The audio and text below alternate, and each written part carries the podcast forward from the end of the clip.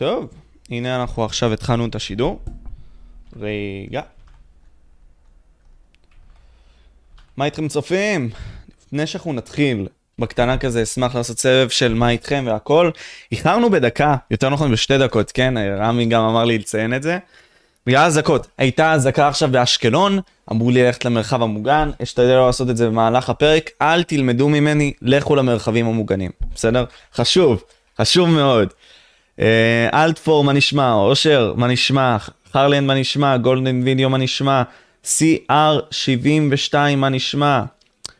מה נשמע איתכם חבר'ס? אנחנו הולכים פה לעשות uh, שידור שבאמת מדבר גם על המצב שקרה לנו היום, בלי קשר, אבל אנחנו טיפה נתחיל גם לפני כן. Uh, נשמע גם את המסקנות של רמי בכל מה שקשור למלחמה הזאת, כלומר, עוד מהימים הראשונים שלה ועד היום. טוב, אז ככה רמי, בוא נתחיל את השאלה הראשונה. בגדול, בשביעי לאוקטובר כבר ראינו בעצם את חמאס תוקפת אותנו, ארגון הטרור הזה. נכנס ליישובים, כובש את השטחים, כובש בסיסים צה"ליים, הורג צעירים, הורג אזרחים, הורג אנשים חפים מפשע באותו, לא יודע מה זה היה, מסיבה. אני רוצה לשאול אותך, מה בעצם אתה רואה כדבר שגרם לכך שהמחדל הזה יקרה? כלומר, מה פספסנו ממה שאתה יודע? בכל הנראה, מה שגרם לזה זה שאננות יתר. זה, יש פה שילוב של שני דברים מה גרם לזה, שאננות והתמקצעות של החמאס והפלגים העזתיים ברצועת עזה. כל הפלגים, הג'יהאד האסלאמי וכל, וכל אחד מהם מעבר לחמאס עצמו. אה, יש פה שילוב של מצד אחד מדיניות הכלה של ישראל לאורך הרבה מאוד שנים, שישראל אף פעם לא חיפשה להכריע עד הסוף את החמאס, ולא חיפשה אף פעם להכריע עד הסוף את הג'יהאד האסלאמי, ותמיד ניסתה להימנע מכל עימות אפשרי, וניסתה להימנע מכל הסלמה של, מכל, מלהסלים את ההסלמות של, של העזתים. אמ, במשך יותר משנה היו תרגילים קבועים בין אם של חמאס בין של ג'יהאד האיסלאמי אה, על הגבול במשך אה, הרבה יותר, במשך כמה שנים למרות שיש נוהל לראות בכל ערבי שמתקרב 300 מטר לגדר אה, יש במשך הרבה מאוד שנים הפגנות של ערבים שמתקרבים לגדר ולאורך כל הזמן הזה הם התכוננו לאותה מתקפה. ובהתכוננו זה חיבלו בגדרות בכל, בכל פעם נניח עכשיו המפגינים מגיעים לגדר קצת מחבלים בגדר מקרבים מקום אחר לגדר או שיש תרגיל של החמאס והג'יהאד האיסלאמי ארבעה ימים לפני בשלושה באוקטובר היה תרגיל ענק של הג'יהאד האיסלאמי שמדמה התקפה. וואו שממש אוקיי. התקרב, שממש התקרבו לגדר. התרגיל הזה גם כלל ירי טילים ארוכי טווח אבל לתוך, לתוך הים לא לכיוון ישראל. Uh, התרגיל הזה גם כלל uh, השתלטות על בסיסים וחטיפות חיילים וזה לא התרגיל היחיד היו להם כל כמה שבועות וחודשים היו תרגילים כאלו. Uh, האחרון שאני מודע אליו בין לבין גם היו, היו עוד אבל היה במרץ 2023 תרגיל גדול. אז uh, הם התכוננו לזה והתמקצעו לזה בסיוע איראני ישיר. מצד אחד זו באמת ההתמקצעות שלהם מצד שני uh, באמת, זו באמת השאננות של ישראל השאננות של אי אמונה שיתקפו אותנו, גם אם יתקפו זה עוד כמה ירי רקטות ולא יותר מזה. השילוב הזה הביא לכישלון הגדול. עכשיו אני אשמח לשאול אז שאלה שמנסה לחבר את הנקודות בין כה וכה, כן? כי אנחנו רואים שרק החמאס בעיקרון תקף ביום, ביום הראשון, נכון? לא, כולם. גם חיזבאללה. כול... לא, ברצועת עזה אתה מתכוון. לא, לא, אני מדבר עכשיו על... אני מדבר גם על הכוח של חיזבאללה וגם על חמאס, 아. אה. רק חמאס תקף. רק עזה. רק עזה, אוקיי, אוקיי. To simplify. זה לא רק חמאס אה, כארגון, אוקיי. אוקיי, עכשיו אני שואל שאלה כזאת, כלומר, האם חיזבאללה וחמאס נמצאים גם בקשרים טובים? כלומר, זה מה שאני שואל. ודאי. אמ, כי הרי הם סונים ושיעים, כלומר, יש הבדלים פה, אתה יודע, מבחינת הפלגים של האמונה האסלאמית שם. זה דיון, חתיכת דיון בפני עצמו על הקטע הזה, אבל אין דבר כזה אה, מלחמה סונית שיעית. אה, הייתה פעם קונספציה כזאת, היא לא נכונה. או, היא, היא, היא, היא נכונה עד רמה מסוימת, היא משקפת חלק מהמציאות, לא את כל המציאות.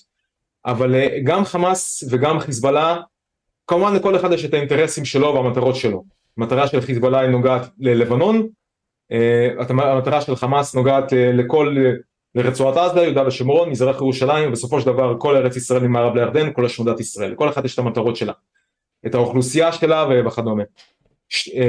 לשני הארגונים יש את התמיכה המובהקת של איראן, תמיכה שגם בהעברות כספים גם במסחר, של העברות נשק, של טכנולוגיות, של אימונים אה, משותפים, של מדריכים, אה, של הדרכות של, אה, של משמרות המהפכה או של כוח קוץ האיראני, וככל הנראה, חמישה ימים לפני המתקפה הזאת, ביום שני השניים באוקטובר, היה אישור של איראן בביירות.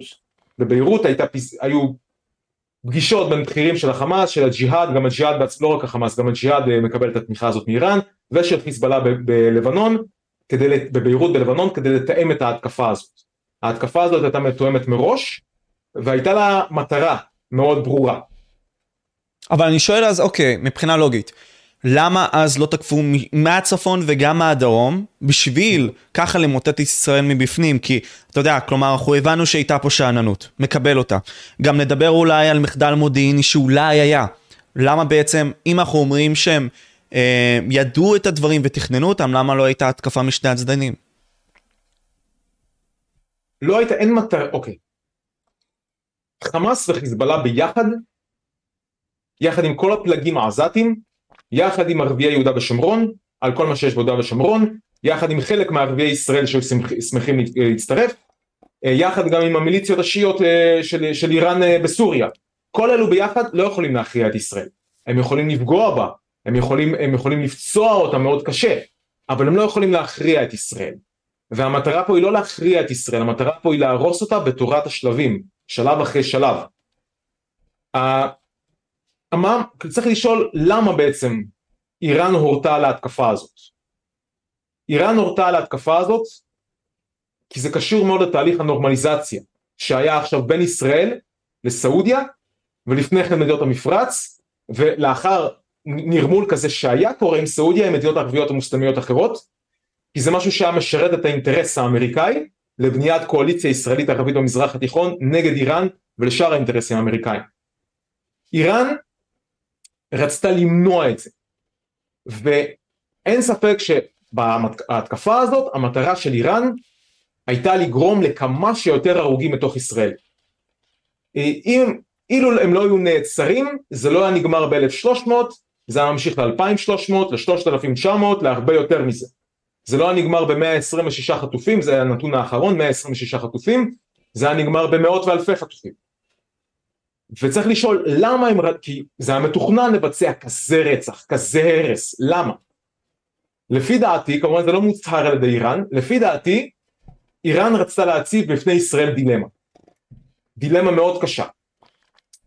הדילמה היא, היא, היא כזאת, אם ישראל מחליטה להמשיך להכיל את מה שקרה, את המתקפה הזאת, כלומר אם ישראל מחליטה חיסלנו את המחבלים, הרגנו אלף, אלפיים ערבים בעזה, הרסנו כמה שכונות, כמה הפצצות, הסכם, חילופי שבויים, ופחות או יותר כמו שכל סבב נגמר עד היום, מעופרת יצוקה ועד היום, אם ישראל עושה את זה, אחרי הרצח הזה, זו פגיעה במורל הלאומי, בתחושת הביטחון של האזרחים במדינה, וזה מחזק מאוד את, את הציר ההתנגדות, זה מאוד מעודד את ערביי יהודה ושומרון וערבים ישראלים להצטרף אליהם אחר כך, זה מאוד מעודד פלגים אסלאמיים אחרים להצטרף לאיראן בגלל ההצלחה הזאת, ובעיקר זה פוגע בקשר בין ישראל לסעודיה, כי ישראל פתאום היא לא יכולה להגן על עצמה, איך היא תגן עלינו.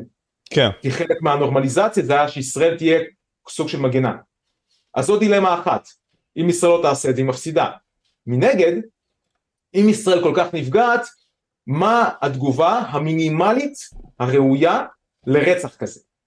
התגובה המינימלית זה לפחות לפחות לפחות עשרת אלפים ערבים הרוגים מעזה, במינימום. והתגובה הבאמת ראויה היא השמדה טוטאלית של רצועת עזה אחרי דבר כזה. אוקיי, אז, אז, אז בוא נדבר על זה. כלומר, אני מסכים עם הגישה הזאת שאין להראות חולשה. כלומר, במזרח התיכון צריך להראות כוח. נקודה. כלומר, מי שהוא חלש, לא שורד. מקבל את הטענה הזאת. אתה אומר, אוקיי, אנחנו צריכים להיכנס איתם למערכה מאוד כבדה, ולקחת להם הרבה מאוד הרוגים. בין אם זה לחסל את החמאס או... לחסל את החמאס ברור, צריך לעשות. או שאתה חושב שלא. אוקיי, יופי. לא, ודאי שכן. אוקיי. אוקיי. עכשיו אנחנו רוצחים, אתה אומר לי עכשיו גם לחסל הרבה מאוד אנשים ברצועת עזה, מה זה אומר בפועל? כי אתה יודע, יש את האנשים, וגם אני טוען את זה באיזשהו מקום, שיש אנשים חפים מפשע אזרחים, שלא בהכרח חלק מהדברים הנוראיים האלה שהחמאס, ארגון הטרור הזה, עושה. וכמו שאתה ציינת בסרטונים שלך, אותם אזרחים מנסים ללכת לדרום רצועת עזה, אך לא מצליחים, כי חמאס מונע מהם. אז איך אתה מסתכל על אותם דברים, על אותם אזרחים? או איך אתה לוקח את מה שאמרת? אני רק אסיים את הנקודה הקודמת, הדילמה.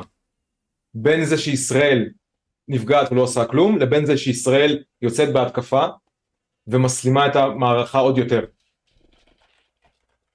אוקיי. Okay. בין זה שישראל מסלימה את המערכה עוד יותר. אוקיי. ברמה שהיא צריכה להגיע לעימות מול מצרים, וברמה שהיא ממש הורגת ופוגעת במה שנקרא הסוגיה הפלסטינאית, אה, ומסכנת את היחסים שלה עם סעודיה ואת שאר התהליך, את שאר התהליך, ההתקרבות הזאת, הבניית קואליציה הישראלית ערבית הזאת. אז זה להכניס את ישראל לדילמה הזאת. אתה שאלת אותי בנוגע לחלק המוסרי, כן, אני מניח, כן, כן, כן. אין פה דבר מוסרי, אין פה, אין פה עניין מוסרי, יש פה מלחמה, מלחמה טוטאלית, מלחמה שבה אם אנחנו לא עושים את זה, אם אנחנו לא משמידים בצורה טוטאלית את רצועת עזה, אם אנחנו לא דוחקים את הערבים דרומה, עד כדי כך, ולוקחים את הסיכון אפילו להסלמה מול מצרים כדי לפתוח את מעבר רפיח ולגרש את הערבים האלו, אם אנחנו לא עושים את זה, אנחנו, אנחנו מתחילים את התהליך לסבב הבא, והסבב הבא יהיה הרבה יותר קשה, הרבה יותר רצחני, וזה מאוד יפגע, זה, אנחנו מתחילים תהליך של שקיעה, לאו, זה יהיה קצת כבד להגיד שקיעת ישראל, אבל במובן מסוים פגיעה מאוד מהותית בישראל. וההרג הנורא, זה לא לא הרג נורא, ההרג המסיבי ברצועת עזה וגירוש האוכלוסייה אמור ליצור הרתעה כל כך חזקה שעוד פעם אם מישהו במזרח התיכון שואל את עצמו מה מחיר דמם של 1300 יהודים המחיר זה עשרות אלפי ערבים הרוגים ומעל לשניים מיליון שמגורשים. כתוצאה מזה, לאחר מלחמה כזאת, לאח... ומלחמה כזאת כמובן תוביל להסתמה גדולה יותר, אבל לאחר הפסקת אש וסיום מלחמה כזאת, הסבירות שנגד ישראל תפתח מערכה נוספת היא הרבה יותר נמוכה. ואתה שואל על עניין של מוסר, ועניין של מוסר הוא עניין סובייקטיבי לחלוטין. לגמרי. חיי שני מיליון ערבים שווים פחות מ-1,300 יהודים. כפי שאתה תופס את זה. וואו, אוקיי. קיבלתי. אני, אה, אוקיי, אז בוא, בוא ננסה להכווין את זה. כלומר, אנחנו ניקח את זה שוב פעם אחורה. אתה אמרת שזו הייתה שאננות, ולא בהכרח מחדל מודיעיני. או לפחות לא ציינת את זה בטענות שלך.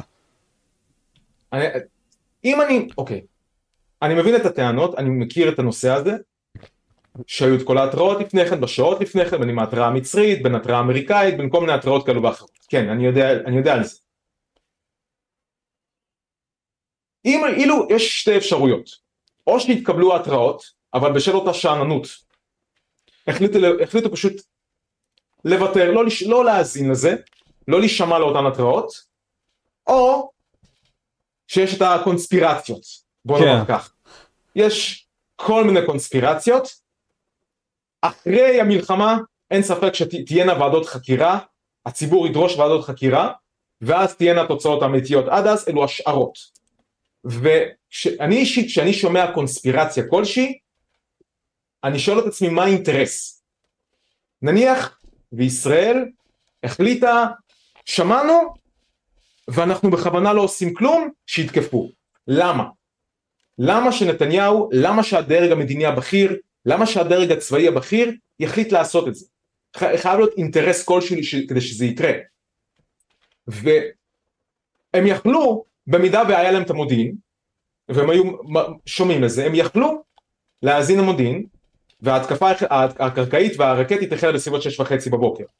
הם יכלו בשש בבוקר להגיד, כאילו בשש בבוקר שכל החיילים יהיו עם וסטים קרמי, מחסנית בהכנס, כדור בקנה, פרוסים על הגדר וקוצרים 1500 מחבלים. ואת מוצאי השבת של שבעה באוקטובר, ביום השמיני של פסח, היינו חוגגים בניצחון לאומי. אז אני הייתי שואל את עצמי למה? למה, למה, שמישהו יס, למה שמישהו ירצה את זה בירושלים? כדי לס... ישראל בתהליך של התקרבות לסעודיה. ישראל בתהליך של לא, אז, אז בוא תסביר את זה, כלומר, מה המגניטוד של זה, מה החשיבות של זה, אתה מציין את זה כבר כמה פעמים, כלומר, הסכמים עם סעודיה והכל. מה ה... הטוב שזה ייתן למדינת ישראל, מה, איך זה יחזק אותה, איפה זה ישים אותה ביחס למדינות המזרח התיכון, סתם דוגמה.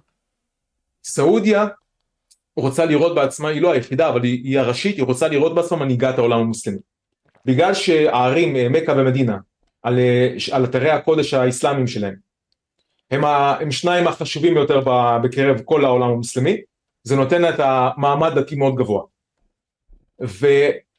ואילו סעודיה מכירה בישראל, זה נותן את הלגיטימציה להרבה מדינות ערביות אחרות ומוסלמיות אחרות להכיר בישראל.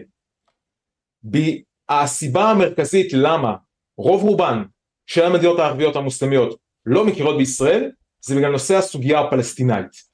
כי יש, יש למשל מחקר של מכון קטרי אמריקאי מ-2021 אה, ששואל כמה אחוזים אה, מהנזכרים באוכלוסייה של לא כל המדינות הערביות אבל חלק נכבד מהן כמה בכלל מוכנים מלכתחילה להכיר בישראל בחלק מהם זה פחות מעשרה אחוזים. וואלה, אוקיי. ולמה, מה הסיבה המרכזית? דיכוי פלסטינאים, ישראל מדינת טרור כביכול, ישראל לא קיימת, יש כל מיני סיבות בסקר הזה, זה מאוד מעניין המחקר הזה, אבל לא משנה, אבל ב, ל, לרוב זה בגלל הנושא הזה. ואחת הדילמות, ה, ה, מה שאמרתי מקודם, הדילמה האיראנית, זה אם ישראל כל כך תפגע בהם, היא תפגע בדעת הקהל של, של בעולם המוסלמי לכל אה, נכונות לנורמליזציה איתה. וזו גם הסיבה למה עכשיו סעודיה השעתה את הנורמליזציה עם ישראל כי היא לא יכולה להכיר בה כי אז היא מכירה במי שמחסדת את הערבים הפלסטינאים. Mm, וואו, אוקיי. אנחנו זקוקים לסעודיה כי סעודיה אמורה להיות גם תוספת כוח צבאית סעודיה אמורה להיות גם נתיב מסחרי אה, בין ישראל להודו סעודיה אמורה להיות מקור נפט סעודיה אמורה להיות מקור השקעות יש הרבה סיבות למה יש לנו את הצורך הזה. הבנתי. אז אנחנו אולי נחזור לסוגיה הסעודית, אבל אני רוצה שאנחנו נדבר באמת על הקשר בין ארה"ב, ישראל ומצרים. דבר שאתה מתעסק בו בימים האחרונים, במיוחד עם מעבר רפיח וכל מה שקשור שם. אה, קיבלנו ידיעה לפני כ-50 דקות בערך, mm-hmm. לשידור זה, שישראל חזרה אה, עם נתינת פשוט מים לרצועה עצמה. ואני שואל אותך שאלה כזאת, כלומר, לאן ההתפתחויות שאתה רואה אותן הולכות? אה, בקשר הזה בין מצרים, ארה"ב וישראל. אני רק, אני רק אדייק את זה לפני שעה וחצי, אה, בעקבות אה, שיח, הפרסום הוא בעקבות שיחה בין היועץ לביטחון לאומי ג'ק סליבן האמריקאי לבי, לביידן, לראש הממשלה נתניהו, על זה שישראל תעביר, תחזיר חלק מהמים לדרום הרצועה, לא לצפון רצועת עזה, כי מצפון הרצועה יש את הפינוי. עכשיו, יש פה שני הדברים, קודם כל, למה אני כל כך מתמקד במצרים? סיום המלחמה, או בוא נאמר סיום פתרון בעיית רצועת עזה, נמצא בידי מצרים. וואלה. בגלל שמצרים, כן, מצרים היא במובן מסוים האויבת הכי גדולה שלנו פה. ספציפית פה בחלק הזה, בזמן בנקודה הזאת. כי מעבר רפיח, אילו מעבר רפיח היה מחר פתוח, ואילו מצרים לא הייתה סוגרת את ה... יש לה 12 קילומטר גבול בין רצועת עזה למצרים, אם לא הייתה סוגרת את הגבול הזה, 2.3 מיליון הערבים ברצועת עזה ערב המלחמה, היו כבר נוערים לצפון סיני. והבעיה הזאת הייתה נעלמת, בעיית רצועת עזה. למצרים זה טוב שאותה בעיה קיימת. זה טוב לה אה, שיש לישראל את רצועת עזה שתקועה לה כעצם לתוך הגרון, כי זה מחליש את ישראל, זה מנוף לחץ נגד ישראל, זה הסוגיה הפלסטינאית, זה כל מיני נקודות כאלו ואחרות. אז מצרים לא הייתה מוכנה לפתוח את המעבר. ישראל הטילה מצור על רצועת עזה כבר מהימים הראשונים של המלחמה. היא הפסיקה להעביר לחלוטין מים, חשמל, מזון, דלק וציוד רפואי. המטרה המוצהרת הייתה שעד שאתם לא משחררים את כל החטופים, את כל, הש... את כל uh, שבויי צה"ל וכל החטופים האזרחיים, עד שאתם לא עושים את זה, יש מצור טוטאלי על הרצועה. המטרה באופן לא מוצהר של ישראל המטרה היא לגרום לכזה אסון הומניטרי וכזה סבל בקרב ערביי רצועת עזה שהם כולם ינהרו דרומה ובעצם יפרצו את הגבולות כי אדם שעל סף למות מרעב ואדם שעל סף למות מצמא לא משנה איזה מוסלמי אדוק הוא הוא ילך לגדרות והוא ינסה לחצות בכוח הוא ינסה לחצות את המעבר בכוח. ומצרים לא יכולה לראות בהם. מצרים כי אחותם הערבית לא יכולה לראות בהם, אז מצרים הייתה בדילמה מאוד גדולה בפני עצמה. עכשיו, במשך הרבה מאוד, בימים האחרונים מאוד הדגשתי את זה בסרטונים, אה, בגלל שלפי דעתי ישראל צריכה להתחיל לחץ תקשורתי מאוד גדול ומסע הסברה שמצרים סוגרת את הגבול והפתרון נמצא אצלה. הפתרון לבעיה ההומניטרית נמצא בצפון סיני, אצל מצרים. זה הדבר שיסיים סופית את בעיה של רצועת עזה. אבל מצרים לא מוכנה לעשות את זה. ובתוך רצועת עזה היו 500 אזרחים אמריקאים ועוד כמה מאות אזרחים זרים, בין אם אוסטרלים, צרפתים, בריטים ואחרים. והיה ניסיון תיווך בימים האחרונים לתת לאזרחים האלו לצאת. ואתמול בין 12 ל-5 המעבר היה אמור להיות פתוח בעקבות הסכם קודם בין ישראל, מצרים, ארה"ב וקטאר. היו שיחות מאחורי הקלעים. חמש שעות שהמעבר אמור להיות פתוח, האזרחים האלו כבר היו במעבר, הם היו מוכנים לצאת. ומצרים החליטה לסגור בכל זאת. לא לתת להם להיכנס, לא לתת להם לצאת מהרצועה. להשאיר אותם שבויים בפנים.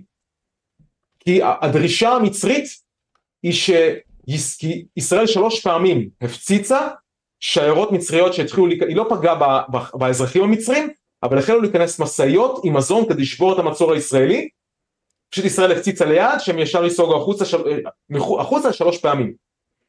ומצרים רוצה שישראל תפסיק, היא התנתה את, אה, אה, לתת לאזרחים האלו להיכנס בתמורה לזה שהיא מצרים תיתן להכניס מזון, מים, תרופות, הכל לתוך הרצועה, למה? כדי למנוע את הרעב וההשמה בקרב הערבים שלא יצביעו על הגבול שלה, כדי שהם לא יברחו מהרצועה. וצריכים לראות עוד פרטים, זה היה ממש טרי בשעות הקרובות, מחר תהיינה, יהיו עוד פרסומים, יהיה אפשר לדעת יותר טוב, לפי דעתי זה בעקבות ארה"ב, מה שאמרתי מקודם, ג'ייק סליבן, היועץ לביטחון לאומי, השיחה עם נתניהו, להעביר להם חלק מהמים, אולי כי זה איזו התניה מצרית כדי שהאזרחים האמריקאים יצאו. נכון, זה האינטרס שלהם בסופו של דבר, שאותם אזרחים אמריקאים פשוט יצאו משם, זה למה גם הם נמצאים איתנו לאורך המערכה הזאת, אני חושב, לא? כלומר, זה לא, למה... לא, האזרחים האמריקאים שנמצאים ברצועת עזה, אלו ערבים. ערבים אמריקאים. שיש להם תעודת זהות, יש להם אה, דרכון אמריקאי, תעודת זהות אמריקאית. לא, אז זה למה אני אומר שארצות הברית מסייעת לנו, ככל הנראה, אני שואל. כלומר, זה אחת הסיבות העיקריות, ויש עוד סיבות לכך. האמריקאים ברצועה? כן. אין, לא, אין שום קשר. זה... זה לא, לא קשור בכלל. אה, ארה"ב מסייעת לישראל ממגוון סיבות אסטרטגיות של ארה"ב, זו היסטוריה מאוד ארוכה. עכשיו נכון ספציפית לעכשיו, למה ארה"ב, הנורמליזציה הזאת, זה, זה, זה, זה, זה, זה דבר מאוד מרכזי ומאוד חשוב הנורמליזציה עם סעודיה. ארה"ב בשנים האחרונות, במיוחד ממשל ביידן, עושה, עושה, עושה כל מה שהיא יכולה כדי להביא לנורמליזציה הזאת. כי אם היא תביא לנורמליזציה הזאת, תביא לברית קואליציה ישראלית ערבית נגד איראן, ואיראן היא מתחרה אסטרטגית של הברית, ואיראן היא בעלת ברית של רוסיה וסין, שהן המתחרות של הברית. סין, רוסיה ואיראן בסדר הזה. וזו הסיבה למה הברית תומכת בה. למה או, יש הרבה סיבות למה, אבל זו הסיבה נאמר הספציפית נקודתית ביותר פה. אה, הברית שלחה כבר נושאת מטוסים אחת, לפי יש אפשר לראות מיקומים של ספינות איפה נמצאים בכל רגע, אחת נמצאת כרגע בים האדריאטי, אה, נושאת מטוסים פורד, אה, שהיא נחשבת אחת המתקדמת בעולם עם 75 מטוסי קרב ועוד חמש משחטות, גם בריטניה שולחת ספינות משחטות וארה"ב גם שלשום, אתמול סליחה, פרסמה שעוד נושאת מטוסים תהיה בדרך לפה. נכון. תוספת כוח מאוד חזקה כדי למנוע מחיזבאללה ואיראן לתקוף את ישראל מצפון, שגם הברית תתקוף, כדי שישראל תוכל להיות מרוכזת עד הסוף ברצועת עזה. האזרחים האמריקאים הם לא הסיבה למה. האזרחים האמריקאים פה הם, הם, הם פשוט בזבוז בשבילנו ובשבילם.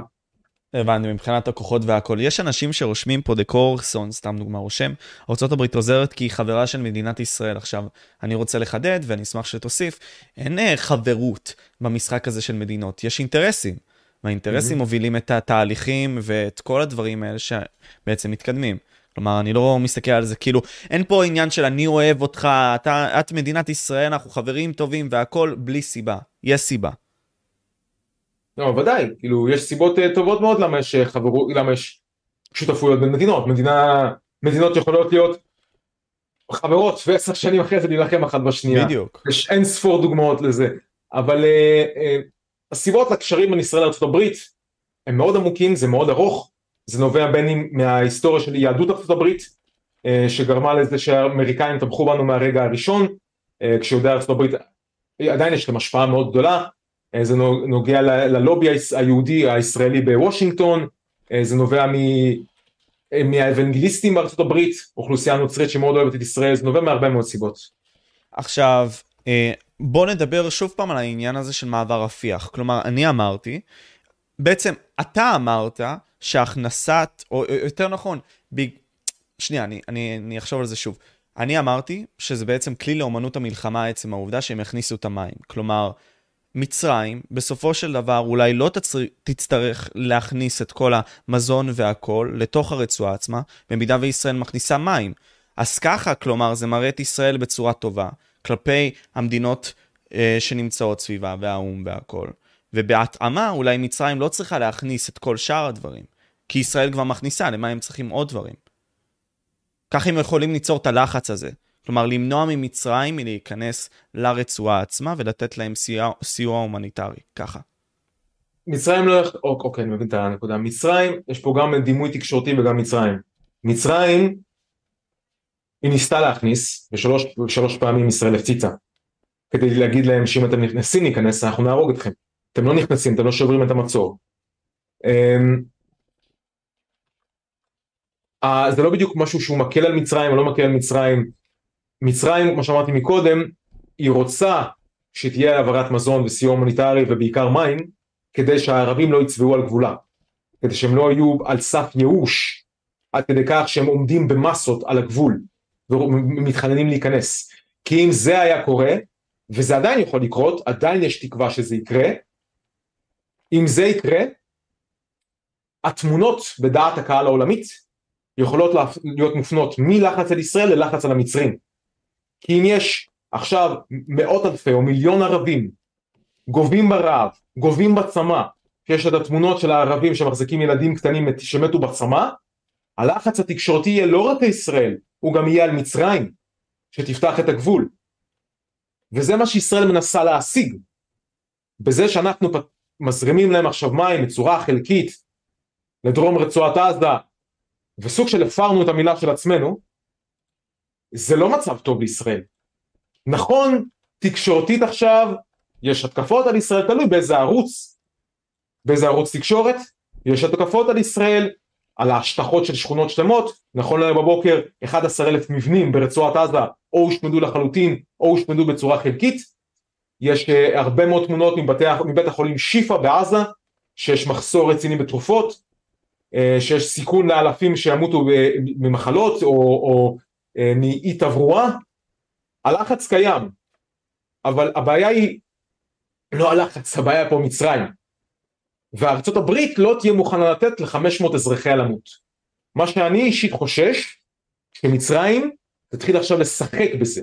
כלומר, לא שמחר היא תיתן ל-500 האמריקאים ועוד כמה מאות הזרים לצאת. כי אם מחר זה יקרה, אנחנו נוכל בזמן קצר לאחר מכן, תלוי איזה הסכם יש מאחורי הקלעים ארצות הברית, לסגור מחזרה את המים, לחזור לאיפה שהיינו, לחזור, לחזור לנקודה שבה עצרנו. אני חושש שמצרים תתחיל להכניס במנות את האזרחים האמריקאים או את האזרחים הזרים. מחר לא 500 100 ויום אחרי זה 50 יום אחרי זה 20 יום אחרי זה 40 יום אחרי זה 70 וככה בכל פעם ותוך כדי ליצור את הלחץ על ישראל זה ממה שאני אישית חושש לחץ של מה בדיוק? לחץ של זה שישראל, לחץ על ישראל לסיים את המערכה ולהגיע להסכם. בזה שהשני מיליון ערבים, 2.3 מיליון, מתרכזים בדרום הרצועה ויש להם את המים ויש להם אולי לפחות חלק מהמזון ויש עוד, והם לא צובעים על הגבול המצרי אז אין, אין לה איך לדחוף אותם דרומה. זה משאיר אותנו במצב ביניים כזה. בבקשה? זה משאיר אותנו במצב ביניים, אתה אומר. זה משאיר אותנו במצב שבו אנחנו מתרכזים רק בצפון רצועת עזה.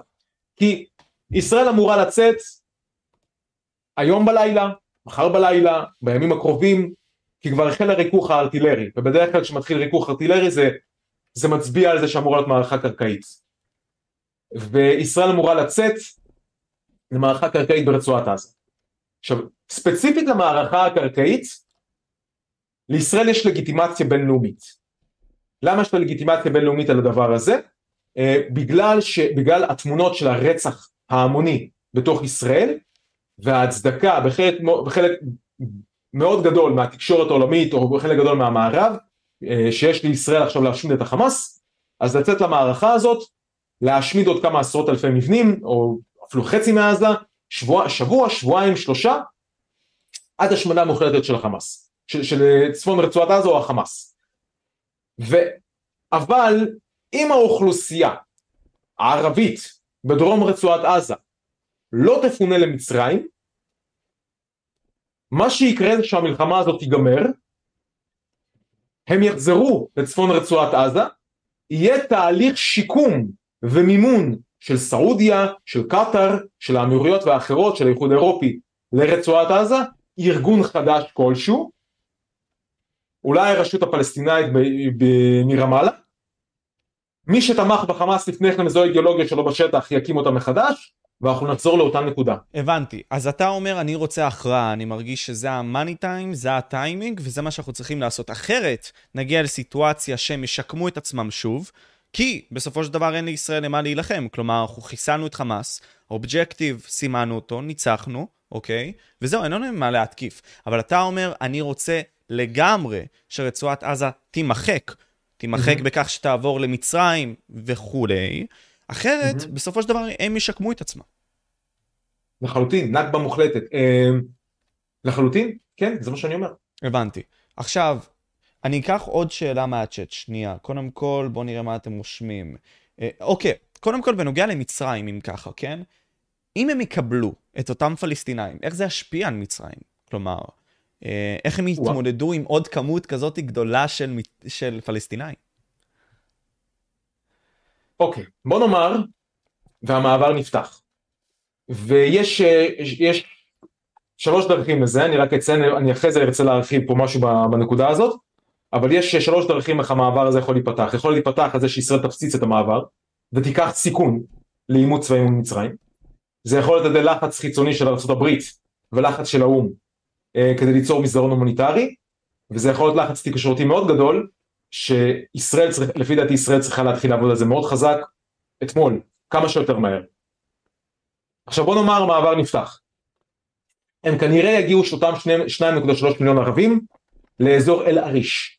העיר 45 קילומטרים מערבה לרפיח, לקצה של רצועת עזה בגבול עם מצרים. שם יש גם נמל תעופה וגם נמל ימי. אה, וזה אומר שבכל אותו אזור, כנראה מרפיח לאל עריש ועוד מערבה לשם, אנחנו נראה אה, מסות של אה, אוהלים ומחנות פליטים, מחנה פליטים עצום. ומצרים תצטרך לשלוט שם ביד ברזל. לגבי מצרים, איך זה משפיע עליה, וכמ... חלקם גם כמובן יסתננו לתוך מצרים עצמה, אולי גם יהיה איזה הסכם מראש, שימשיכו למצרים או למדינות אחרות. למצרים זה פוגע ברמה משמעותית בה כמדינה. זה גורם לה להיחלש מול ישראל, כי כמו שאמרתי מקודם זה טוב למצרים שיש את רצועת עזה, כי באופן קבוע ישראל שמה חטיבת חי"ר סביב הרצועה, חטיבת שריון סביב החצו... אה, יחידות צבאיות כאלו ואחרות, ויש לה מנוף לחץ נגד ישראל. זה מחליש את מצרים, זה הופך אותה למדינה שהובסה, במיוחד בכל הנוגע לסוגיה הפלסטינאית, אה, כמי שלא קידמה את הקמת המדינה הערבית הפלסטינאית, אה, וזה גורם לאחים המוסלמים להתחזק מבפנים, יש לזה עוד כמה השלכות, אבל זה מחליש אותה כמדינה. קיבלתי. Uh, תוך כדי אנחנו נמצאים פה במערכה הזאת ויש לנו גם את האיום של חיזבאללה. כלומר, איך זה, איך, איך, איך אנחנו עדיין מתנהלים עם הציר הזה בצפון, אצלנו? מנסים להימנע מהסלמה כמה שיותר. אם שמת לב עד עכשיו, כל ההתקפות שהיו, היו הרבה מאוד התקפות נקוד... גם, גם חיזבאללה מנסה להימנע מהסלמה, מאוד מנסה להימנע מהסלמה. ללבנון יש המון מה להפסיד. חיזבאללה איבד את הרוב שלו בפרלמנט הלבנוני בבחירות ב- ביוני 2022 ובאוקטובר אה, הם הגיעו להסכם גז עם ישראל בתיווך אמריקאי והמדינה במצב כלכלי נוראי ויש לה הזדמנות עכשיו לצאת מה, מה, מהברוך הכלכלי שבו היא נמצאת. אז גם חיזבאללה לא רוצה במערכה, איראן רוצה שהוא ייכנס למערכה, הוא לא רוצה להיכנס. אבל חיזבאללה אה, נמצא שבוי בתוך האידיאולוגיה של עצמו ובתוך התעמולה של עצמו, שבו הוא יעמוד לצד הערבים הפלסטינאים עד הסוף המערכה, למען הקמת המדינה שלהם. וחיזבאללה מציג את עצמו כמי שתוקף, מציג את עצמו כמי שעושה פעולות, וישראל מגיבה לכל פעולה בחזרה. כי לא כאן ולא כאן רוצים הסלמה. והסלמה יכולה לקרות כאן, תלוי מה יהיה היקף התגובה של ישראל ברצועת עזה. כי אם ישראל דוחקת בכוח את כל אותם ערבים מרצועת עזה, אז כן, הסלמה בחזית הצפונית תהיה. ומה השלכותיה? השלכותיה מלחמה קשה. השלכותיה אה, מצב שבו גם חיל האוויר הישראלי, גם חיל האוויר האמריקאי, אה, גם חילות הים של שתי המדינות, אה, יהיו בהפצצות מאוד קשות בלבנון ובסוריה ובמערב עיראק, כי מכל האזורים האלה יהיה ירי על ישראל, ותמרון קרקעי גם בתוך לבנון. לא, הפרסומים הרשמיים היו, פרסם שמתוך 300 אלף המגויסי מילואים, 100 אלף הועברו דרומה, לא פורסם כמה לצפון, אבל אפשר להעריך שלפחות 100 אלף מתוכם, אז יש כוח מאוד גדול אה, שיתמודד מול, מול החזית הזאת. עם ירי מסיבי של רקטות על ערי המרכז. ירי יותר כבד ויותר קשה מהמצב של מול חמאס. וואו, אוקיי. עכשיו, האם זה אומר בהכרח שיש אפשרות גם שניכנס למלחמה מול לבנון עצמה? כן, פה ופה, מלחמה, יש אפשרות שניכנס למלחמה בשלוש זירות. בעזה, לבנון ודרום סוריה. כי פה, פה ופה יש ירי מסיבי. הבנתי. בדרום סוריה זה הכי פחות, אבל משל, משלושת הכיוונים יש ירי. האם זה איכשהו יכול להוביל, אתה יודע, יש את האנשים האלה שישר מפחדים ואומרים, אתה יודע, מלחמת העולם השנייה התחילה בתנועות קטנות כאלה, מתקפה פה, מתקפה שם, מלחמה פה, מלחמה שם. ואנחנו רואים את זה גם עם רוסיה ואוקראינה, שעדיין מתנהלת המלחמה הזאתי. אנחנו רואים את הניסיונות, אתה יודע, עדיין לא התחילו כל כך, כן? בגדול. הצינו את טיוואן, אתה יודע, גם ישראל ורצועת עזה. האם זה יכול להתפתח למשהו הרבה הרבה הרבה יותר גדול ממה שכולנו יכולים לדמיין, או שזה סתם תרחיש פסימי של הרבה מאוד אנשים? תמיד יש, תמיד יש את כל הדימויים האלו, זה לא חדש, על מלחמת עולם. אה, דיברו על זה ב-2017 עם אה, קוריאה הצפונית, כל מיני דברים שהיו אז, דיברו על זה עם התרגילים סביב טיוואן, דיברו על זה לפני פלישה רוסית לאוקראינה. כשהייתה פליש, אם, אם הייתה פלישה רוסית לאוקראינה ויש אה, לפחות 300 אלף הרוגים לכל הצדדים, להכל ביחד, עם סנקציות מקיפות על המדינה הגרעינית ביותר בעולם, לרוסיה יש יותר גרעין מארצות הברית, וזה לא הוביל למלחמת עולם, אז זה לאו דווקא אומר שמה שקורה פה, כל הסלמות כאלו באזור, יוביל למלחמת עולם. אתה יודע משהו ש... כן, מה אתה אומר? די... אני לא רוצה להגיד הגזמה, כי דברים כן יכולים לקרות, דברים כן יכולים להיות בתגובת שרשרת. אבל זה לקחת את זה קצת יותר מדי רחוק, להגיד מלחמת עולם כתוצאה מזה. הבנתי. מה אתה חושב המיין אובג'קטיב של מדינת ישראל, כלומר הממשלה והכל, אה, בתהליכים שהם מנסים לעשות? כלומר, אתה הצגת את מה שאתה רואה כמיין אובג'קטיב שלנו, כלומר המטרה שאנחנו צריכים להשיג אה, עם הרצועה, ועוד לא דיברנו גם על יהודה ושומרון והכל, אולי יש דברים שאנחנו צריכים גם לעשות שם. איך, mm-hmm. מה אתה רואה שהממשלה מנסה לעשות? ממה שזה נראה, מה שאמרתי מקודם, כן? אני אגיד לך למה. הצהרתית, אף אחד לא יכול להגיד, ממשלת ישראל החליטה, אנחנו מגרשים את כל הערבים מרצועת עזה בצפון סיני, אף אחד לא יכול להגיד את זה. אמ, אבל מעשית, במהלך המלחמה, דובר צה"ל בימים, הראשון, אה, בימים הראשונים, קרא לתושבי רצועת עזה לברוח למצרים כל עוד הם יכולים. זה מה שאמר, אה, אה, בואו נאמר בדוברות צה"ל. אני לא זוכר אם זה בדיוק ספציפית הדובר הראשי, אבל משהו בדוברות צה"ל. בזה שישראל מפנה את כל אוכלוסיית צפון רצועת עזה, וגם היא נתנה להם שלוש אזהרות, ביום שישי, ביום שבת וגם היום בבוקר. אולי גם מחר הם ייתנו להם עוד אזהרה, אבל בשביל לדחוק אותם לדרום. ובמיוחד, אם אתה סוגר את המים לאלתר עד להודעה חדשה, עד שהם תחזירו את החטופים. כשאתה יודע שאתה יכול לגרום עד סוף החודש הזה לכולם למות בצמא שם, וכשאני לוקח את ההצהרות האלו, את הפעולה הזאת, וזה שלישראל אין שום חלופה אחרת כמדינה, לפי דעתי, המטרה הלא מוצהרת של ישראל היא באמת לפנות את כל אוכלוסיית עזה לסיני. עכשיו גם מצרים מבינה את זה ובימים האחרונים היו הרבה מאוד הצהרות. טריק משהו, אני, אני, לא, אני לא זוכר את השם משפחה אבל זה טריק, קרוב חבר פרלמנט, פרלמנט מצרי והוא לא היה היחיד שיצא בהצהרה אנחנו לא נק... וגם סיסי עצמו נשיא מצרים אמר את זה בימים האחרונים אנחנו לא ניישב את הערבים אה, אה, מרצועת עזה בצפון סיני אנחנו לא נעשה את זה אנחנו לא מוכנים לעשות את זה הם מבינים שזה מה שישראל דוחפת. אז כשאתה שואל אותי מה המטרה של ישראל, למה ישראל מייעדת את עצמה? לזה. תוך כדי יש לנו את יהודה ושומרון, ואתה יודע, את האנשים שנמצאים שם. ואתה יודע, האנשים שבאים ומעופפים את כל דגלי אש"ף והכול. אשמח לשאול, מה אתה חושב שמדינת ישראל עושה עם הציבור הזה, ומה צריך לעשות עם הציבור הזה? יהודה, יהודה ושומרון. אוקיי, קודם כל, ספציפית עכשיו מה שקורה, החמאס מאוד מנסה לגרום, אה, והוא קורא להם תתקוממו, תתקוממו, תתקוממו, רודפים את בני עמכם, תתקוממו. אה, יש, מאז שפרצה המלחמה, היום זה היום התשיעי, יש כבר אה, חמישים, נראה לי זה היה אחד או חמישים ושלושה הרוגים נכון להם בבוקר, ערבים ביהודה ושומרון, אה, יהודים אין, תודה לאל, ואלף מאה ערבים נפצעו, לא פציעות קשות, אתה יודע, הפס"דים שיורים עליהם חזרה גז מדמיע או רימוני עשן, אבל רימוני הלם, יש אלף מאה פצועים, חמישים משהו הרוגים ועוד כמה מאות עצורים. ישראל בכוח מדכאת את מה שקורה ביהודה ושומרון. וכרגע זה מצליחים להכיל את זה וכנראה שאנחנו גם נצליח להכיל את זה כי יש יד ברזל במקום. וכל כמה חודשים היה ביולי את, אה, את, את אה, מבצע בית וגן אה, עם הפלישות לג'נין והיו כל מיני פלישות לשכם ופשיטות על קלקיליה ועל טול כרם ועל כל מיני יישובים גדולים ומדי פעם וקרבות וחיסול מחבלים ומעצרים וישראל כל פעם עושה מה שהיא יכולה כדי לעצור את זה כדי למנוע מהם להתחזק יותר מדי ואיראן מאוד מנסה לחזק את יהודה ושומרון. איראן עצמה מנסה להבריח, ממש בכטב"מים מסוריה, או דרך הגבול מירדן, היא מנסה להבריח נשק או יועצים צבאיים אה, אה, ליהודה ושומרון ולארגן אותם. אה, וגם היו ירי רקטות בשנה האחרונה, בפעם הראשונה בשומרון, אה, בשומרון נגד יישובים ישראלים. מה שישראל צריכה לעשות ביהודה ושומרון זה לשמור, לשלוט במקום ביד ברזל, מה שהיא עושה עכשיו.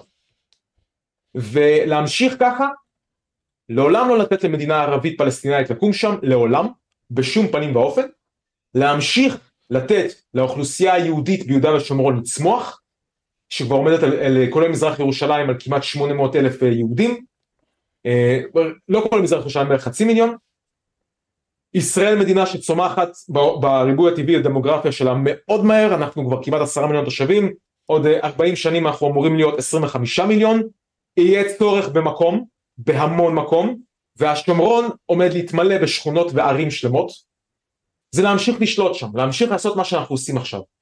הבנתי, וזה מוביל אותי, אתה יודע, היום קראתי, שמעתי יותר נכון, את מלכוד 67 של מיכה גודמן. והוא מדבר שם על, אתה יודע, הרוויזיוניסטים, הוא מדבר על זאב ז'בוטינסקי, למי שלא מכיר יכול לעשות עליו גוגל. בגדול הוא מדבר שם שזאב ז'בוטינסקי דיבר על המדיניות הזאת שאולי, אתה יודע, לקחת את מדינת ישראל, ערבים כיהודים שווים כיחד, כן? לנגד אנשים כמו נתניהו, אה, אנשים כמו אהוד אולמרט, אריאל שרון, שבעצם הציעו את מדינות לשתי עמים והכל. עכשיו, אני מניח שאת שתי הקייסים האלה אנחנו לא לוקחים, אתה לא לפחות לא לוקח, כן? עכשיו, אני שואל, אוקיי, ברצועת עזה נניח והצלחנו, נניח ואיכשהו מצרים לקחה את אותם ערבים. עדיין זה משאיר לנו את יהודה ושומרון. הקייס, כפי שאני רואה אותו שמציג אותך, זה שפשוט המדינות הערביות פשוט ייקחו אותם אליהם. למרות שזה לא נראה ככה הגיוני, כן? כלומר, נגיד ביהודה ושומרון לא נראה לי שירדן תיקח, וגם הצהירה לדעתי, אתה אמרת את זה, כן? המלך הירדני. אז לאן אנחנו הולכים מפה? כלומר, האם זה בסופו של דבר כן מוביל לפתרון הסכסוך, או שיש לנו דרך ארוכה כפי שאתה רואה אותה? דרך ארוכה, לגבי יהודה ושומרון? כן. אם יש משהו קטסטרופלי, כי דברים קטסטרופליים הם הזדמנות לשינויים קטסטרופליים. אבל אם יש משהו קטסטרופלי זה משהו קטסטרופלי, אבל זה לא סביר ביהודה ושומרון. בטוח לא בהיקף כמו ברצועת עזה. אה, לגבי יהודה ושומרון, המדיניות אמורה להיות ייהוד. ייהוד שזה אומר מעבר להתיישבות יהודית והגדלת המסה היהודית, זה אומר אה, לחץ על אורח החיים של הערבים ביהודה ושומרון, אה, להמשך מחסומים, המשך הגבלת חופש התנועה שלהם, המשך הגבלת חופש העיסוק שלהם, ולעודד אותם לעזוב לכל מקום אחר, לכל מקום שבו הם יכולים, עד שלאט לאט המקום יתרוקן. זה הפתרון הכי טוב בישראל, הכי ריאלי והכי טוב. אני רוצה לדבר על הלוחמה הפסיכולוגית שדווקא הייתה בתחילת הקרב, כלומר אנחנו די זזים מהנושא הזה שדיברנו עליו ביהודה ושומרון. הרבה מאוד אנשים אמרו שעצם העובדה שצפינו בסרטונים, שאותם, אה, נגיד סתם גזה נאו, לא יודע אם אתה מכיר את קבוצת הטלגרם, שיתפה, בנוגע לתקיפות שהם עשו לישראלים, כל אותם טרוריסטים. פשוט צילמו את מה שהם עשו לחיילים הישראלים, פריצות לבסיסים והכל. לוחמה פסיכולוגית. עכשיו אני שואל את השאלה הזאת, כלומר, מה בעצם, האם הם לדעתך, חמאס וכל מיני כאלה, כשהם תיעדו את אותם סרטונים, הפיצו אותם ברשתות, מה הם ניסו להשיג בכך? כלומר, האם בשביל להחליש את התדר של מדינת ישראל ולהרגיש שוואלה, האויב שלנו עשה לנו עוול כל כך נורא ולהרגיש בושה בקטע הזה, או שיש לו אובג'קטיב או מטרה אחרת? מה שאמרתי בהתחלה על הדילמה האיראנית, זה להכניס את ישראל לדילמה מאוד קשה. זה לגרום לישראל לכזאת מכה קשה, שבה או שהיא לא מסיימת את העבודה, והיא פוגעת במורל הלאומי, ויש תחושה שדם יהודי הוא הפקר, ודם יהודי לא שווה הרבה, ויש תחושה שעדיף לי לא לחיות פה ואני אחיה במקום אחר, אני אהיה בטוח יותר שם, והמדינה שלי לא עושה הכל כדי ללכת עד הסוף, וגם אם לא, לא להגן על חיי, אז לכל הפחות לנקום עד הסוף את הדם היהודי, ואז למנוע מצב כזה שחוזר על עצמו, אז יש את החלק הזה, למה הם עשו את זה? הם עשו את זה בנוסף לזה גם כי בעיני ציבור אסלאמיסטי או בעיני ציבור אה, לאומני ערבי זה נחשב אות של כבוד, זה אות של כבוד לרצוח יהודים, זה אות של כבוד להביס יהודים ולהכריע יהודים. זה גם מוסיף, אה, זה מוסיף להם כוח מגייס. אלו הסיבות למה. למה הם כל כך תיעדו את זה. כי אז, כי אם בוא נאמר, ישראל לא הולכת עם זה עד הסוף. ובסופו של דבר זה נגמר. מה, מה קורה, עכשיו נניח יש איזה נער ערבי בן 15 בעזה. והרצועה עוברת שיקום, אנחנו עכשיו ב-2025, הוא בן 17. מה הוא רואה? הוא רואה בואנה איך אלו חיסלו יהודים, ואני רוצה גם. ואיך הם תיעדו את זה, איזה גיבורים, אני רוצה להיות חלק מזה. זה דרך לגייס גם תמיכה. והרבה מאוד מהתושבים, גם נראה לי דיברת על זה, כלומר, מבחינת אחוזים, כלומר, הם בחרו את החמאס באיזשהו מקום, כן? Mm-hmm. כלומר, אז אנחנו רואים פה, כפי שאתה מציג, גם יד ישירה של האזרחים, אז כלומר, אצל החמאס, כ- כעקרונות המרכזיים שלהם, זה כיוו, כאילו, שמדינת ישראל תהיה כלומר, הם רוצים להרוג את כל מדינת ישראל, שהיא תהיה שלהם. כלומר, גם בסמל של החמאס, לדעתי, יש את כל מדינת ישראל, נכון? כלומר, כן. אנחנו רואים בעצם שהם לא רוצים אותנו, אז אתה אומר שזה היה מעודד גם את הצעירים לבוא, את הדמוגרפיה הזאת בעצם להילחם אל מול הישראלים, אל מול מדינת ישראל. כי גם תסתכל על זה ככה, היו... בדרך כלל, מה קורה אחרי שהערבים רוצחים יהודים? מה הם עושים? הם מחלקים ממתקים. הם 아, אה, שמחים. ראיתי את זה, ראיתי את זה, נכון. ביהודה ושומרון זה היה. זה דבר כל כך ותיק, אני זוכר עוד בימי האינתיפאדה, שאחרי שהיה מגיע נניח אה, מחבל מג'נין ומתפוצץ איפשהו בתל אביב, אז כולם בצהלות שמחה בתל אביב. ו- סליחה, בג'נין, מחלקים ממתקים וכדומה. זו, זו התרבות, זו תרבות של רצח, זו תרבות של רצח יהודים. וזה לא מתוך מקום של דעה קדומה, זה ככה. ובזה שמתעדים את זה, זה באמת יוצרים איזה אפקט אה, של גיוס ברצועה וגם גם בקרב ערביי ישראל, חלק, חלק מערביי ישראל שמחו על מה שקרה. וכשהם רואים את התיעוד הזה, זה, זה יכול להלהיב אותם לחקיינים. זו אחת הסיבות למה כזה, למה כזה תיעוד. בין אם חקיינים ערבים ישראלים, או חקיינים מיהודה ושומרון, לעודד אותם להתקומם. יש אנשים שמרגישים גם שערביי ישראל, ודווקא אני, אני משחק עם המחשבה הזאת, אני דווקא נוטה לגישה יותר אופטימית של זה. אבל אתה אומר לי שזה כן משפיע עליהם. כלומר, אנחנו רואים בעצם את ערביי ישראל, הם רואים בעצם את מה שהערבים בפלסטין והכל עושים. בעזה יותר נכון, סליחה. בעזה עושים, אוקיי? ומקבלים mm-hmm. איזשהו כוח אולי שהם יכולים גם לעשות איזושהי הפיכה או לעשות פיגועי טרור והכל. כלומר, אתה מסתכל על כך שערביי ישראל הם לא תחת הלייבל ישראלים, כלומר, בפן האידיאלי של זה, כפי שאתה רואה את זה במדינת ישראל. מה היחס אישי שלי לערביי כן, ישראל? כן. היחס שלי לערביי ישראל זה א' כל אין לכם שום זכות לאומית. דגל אש"ף אמור להיות לא חוקי. אין לכם זכות לערער על ישראל כמדינה יהודית. ישראל היא מדינה יהודית, יש לכם זכות לזכויות אינדיבידואליות, לחיות כאדם. מבחינה הלכתית אין בעיה עם זה שגויים יחיו בארץ תחת, תחת מגבלות מסוימות. בראש ובראשונה מגבלות לאומיות. אתם יכולים להצביע למפלגות יהודיות, אתם יכולים להקים מפלגה ערבית ציונית שמכירה בישראל, מפלגה ערבית שמניפה את דגל ישראל ורואה את האינטרסים של ישראל כאינטרסים שלכם, אבל בשום פנים ואופן לא משהו אחר. ואילו יש הפגנה ערבית ישראלית עם דגלי אש"ף וחמאס, החובה המוסרית זה לירות על מנת להרוג. לירות על מנת להרוג. כי דגל אש"ף הזה הוא לא סתם דגל. זה לא כמו עכשיו שמישהו בישראל סתם יניף דגל ברזיל כי הוא אוהב כדורגל ו... בסדר. זה דגל שיש לו, לו סמליות מאוד ברורה. הסמליות שלו היא רצח יהודים.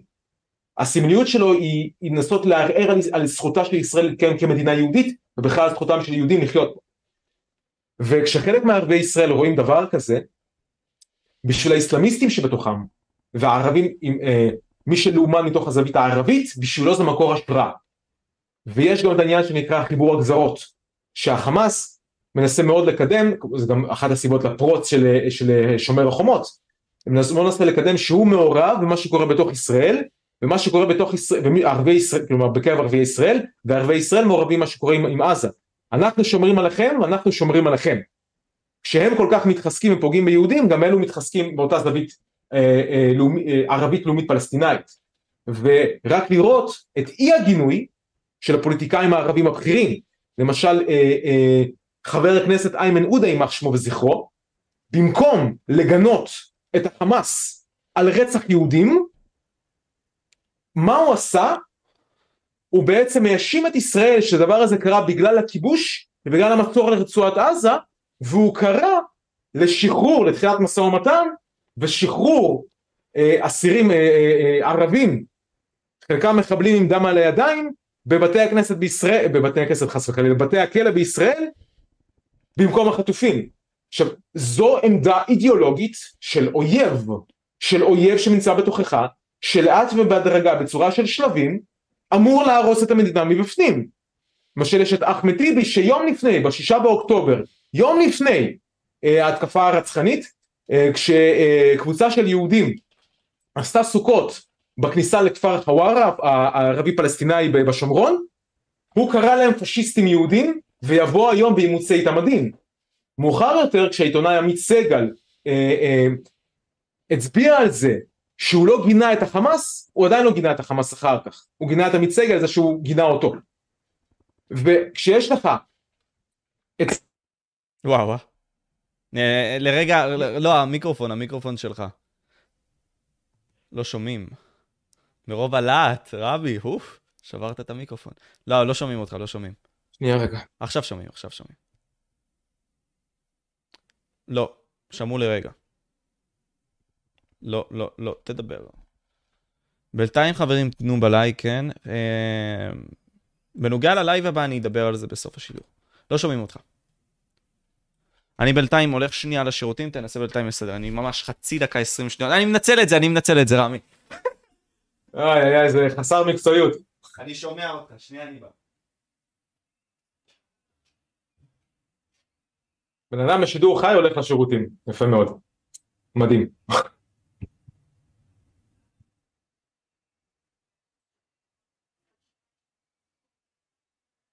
טוב, בזמן שהוא הלך לשירותים, אני לא יודע אם שומעים אותי או לא, מה שאני כן מבקש, מי, ש... מי שנמצא פה וצופה, זה אתמול פרסמתי פוסט בכרטיסיית קהילה, שנמצאים פה בערוץ של אדם אחר, ומה שאני מבין יש פה הרבה מאוד אנשים שהם מאוד צעירים, בני 18 עד 24, אמ, ולא צופים, אני לא יודע אם צופים או לא מכירים את ערוץ לאומנות, אז אני מזמין אתכם להיכנס ולקרוא את הפוסט האחרון בקהילה. והפוסט הזה מאוד חשוב במיוחד לכל מי ש... אם בצעירים שבקרבכם, ואם יש לכם נוכחות, אתה שומע אותי טוב? מה אתה אומר? שומע אותי? וואו. אוקיי, כן, עכשיו שומע אותך. לא הייתה החלטה, החלטה כל כך חכמה מצידי לשלוט איזה שלוש ליטר מים לפני השידור, לא שתיתי כל היום. טוב, בכל אופן, מה אתה סיפרת להם? לא מקצוע, לא מקצועי בעליל יצאת עכשיו. אני יודע, אני יודע. אני התחלתי להגיד משהו לצופים. כן. אה, אני אסיים את להגיד את מה שאמרתי. אה, חשבתי שיש אזעקה, לא משנה. ב, לא, יש אזעקה, אבל לא, לא פה. אוקיי. נראה לי ב, בעיר אחרת, משהו ליד, אני שומע את העדים של האזעקה. התחלתי להגיד לצופים על הפוסט האחרון שהעליתי אתמול בקהילה, על כך שאפשר לפתור את בעיית רצועת עזה, על ידי שמצרים תפתח את מעבר רפיח. ומקודם בשיחה ציינתי שלוש דרכים לזה, ואחת הדרכים זה ליצור לחץ תקשורתי מאוד גדול. עכשיו, על פניו, זו אחריותו של משרד ההסברה הישראלי ושל משרד החוץ הישראלי. עכשיו כנראה הוא איכשהו מנסה לקדם את זה.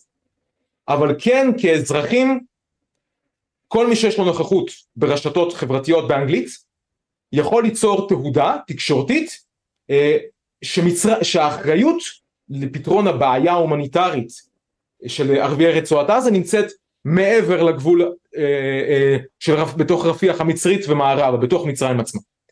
ולמשל סתם אני אתן דוגמה איך דבר כזה קורה, לדוגמה יש, אתמול עלה סרטון, אתמול או היום אני לא זוכר מתי ראיתי את זה, ב Sky News Australia על הבעיה ההומניטרית וחלק בתגובות כתבו למה מצרים בעצם לא פותחת את המעבר והייתה שם תגובה די משעשעת שמישהו כותב Egypt, אנחנו, כאילו באנגלית, מצרים, אנחנו אוהבים את הערבים הפלסטינאים. היה הדף מהפיצוץ. מצרים, אנחנו אוהבים את הערבים הפלסטינאים. ערבים פלסטינאים. אז תיתנו לנו להיכנס, מצרים בשום פנים ואופן. כאילו, שיש אנשים בתגובות, בתגובות בסרטונים, בתגובות בפוסטים בפייסבוק, בתגובות בציוצים בטוויטר, שאומרים את זה. הרוב זה גינוי לישראל. אבל אם מספיק אנשים, ואני מתכוון בימים הקרובים, אמ, לפרסם הרבה מאוד אה, אה, גרפיקות, גרפיקות כאלו שעם גוון תעמולתי בוא נאמר, לפרס... אה, שאמורות להיות מופצות ברשת, שיוצרות את האחריות על מצרים. וזה משהו שאני גם מפרסם אותו מאוחר יותר בערוץ לאמנות, אבל אני רוצה שעם כל מי שצופה עכשיו ושומע את זה, והנושא הזה חשוב לו, וחשוב לו שערביי רצועת עזה יעברו למצרים ואילך, יש דרך לציבור עצמו במסה של כמו צבא סייבר במרכאות לקדם את זה.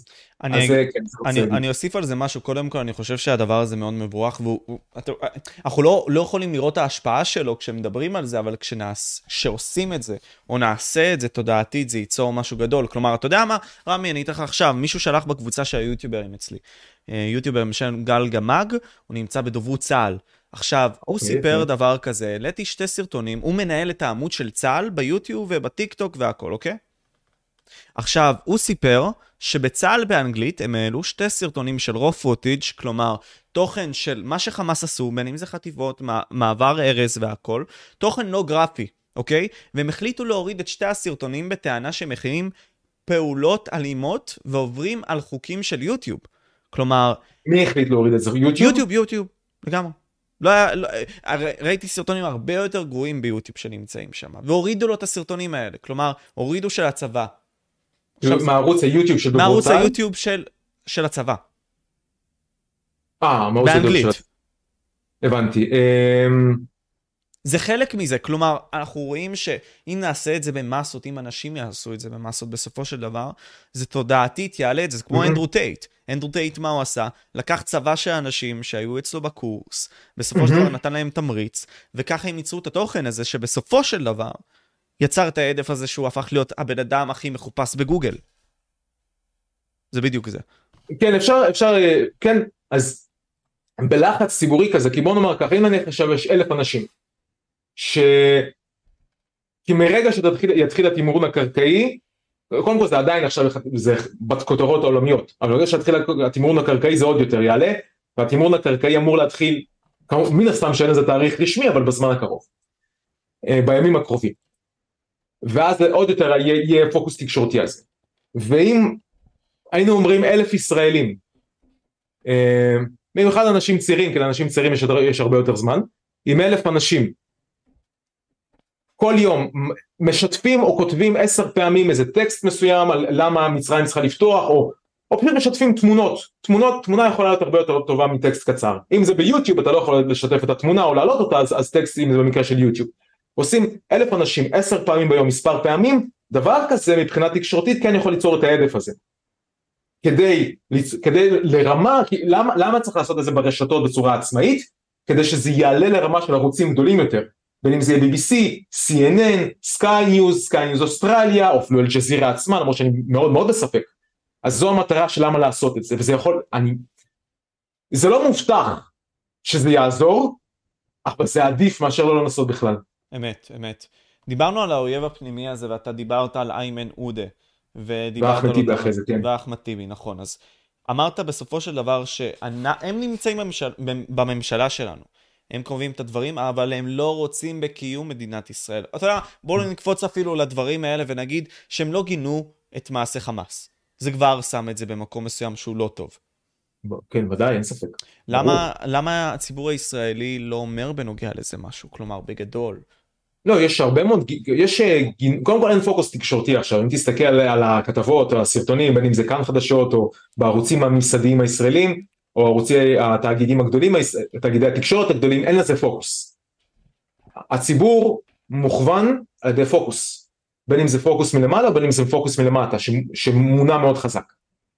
כי כרגע העיקר ההתמקדות, כי הציבור הערבי ישראלי הוא לא מתקומם עכשיו. אין עדיין הפגנות גדולות. אין בכלל הפגנות. זה לא, לא, לא מצב בכלל כמו בשומר החומות, אפילו לא מתקרב. או כמו בעופרת יצוקה או בצוק איתן, גם בצוק איתן, אתה זוכר היו הפגנות גדולות של ערבים ישראלים. אה, כי ישראל נתפסת לפחות מבפנים כקורבן, או, ו, למש, ועכשיו ישראל מאוד לקחת את זה קשה, היה למשל את הערבייה בת 23 מטייבה שהייתה בכלל גננת של ילדים יהודים אה, בהוד השרון, שהיא פרסמה פוסט בעד החמאס, היא נעצרה, היא נלקחה לחקירה. תחשוב, ערבייה שעובדת בהוד השרון, שומרת גננת של ילדים יהודים ופרסמה פוסט בעד החמאס, היא נעצרה. אה, היה מישהו באיזה כפר בשומרון, שהוא שם כרוז של החמאס באיזו פיצריה, הגיע דחפור של צה"ל ושבר את המקום, אטם את המקום. עכשיו ישראל מתייחס לזה מאוד חזק, בגלל שיש את התמיכה הציבורית והערבים הישראלים קצת מפחדים. זה, אז אין לזה ממש איזו התקוממות של ערבים ומנגד כזה פוקוס שלנו עליהם. בגלל זה זה לא מוצף ברגע זה. מובן. העלית סרטון לפני כלדעתי ארבע שנים עם האלוף בריק, נכון? Mm-hmm. כלומר, דיברתם שם על האם כן. צה"ל מוכן למלחמה. זה הטייטל של הסרטון עצמו, אני אפילו אראה את זה עכשיו, כן? אמ, ותוך כדי גם, לפני שלושה חודשים, אה, הוא התראיין בהידברות. הוא היה שם mm-hmm. ודיבר על כך שצה"ל לא מוכן למלחמה. עכשיו, הרבה מאוד מהדברים שהוא אמר, באותם שני סרטונים, אה, גם תראו את הסרטון אצל רמי, אותם רעיונות, אתה רואה בסופו של דבר שעד כמה אנחנו שאננים, והשאננות הזאת פגעה בנו. אה, איפה מצאת בדברים של בריק רלוונטיות למה שקרה היום? למה שקרה בימים האחרונים, יותר נכון. המתקפה הזאת, המלחמה הזאת. אותה שאננות, אותה שאננות בהחלט.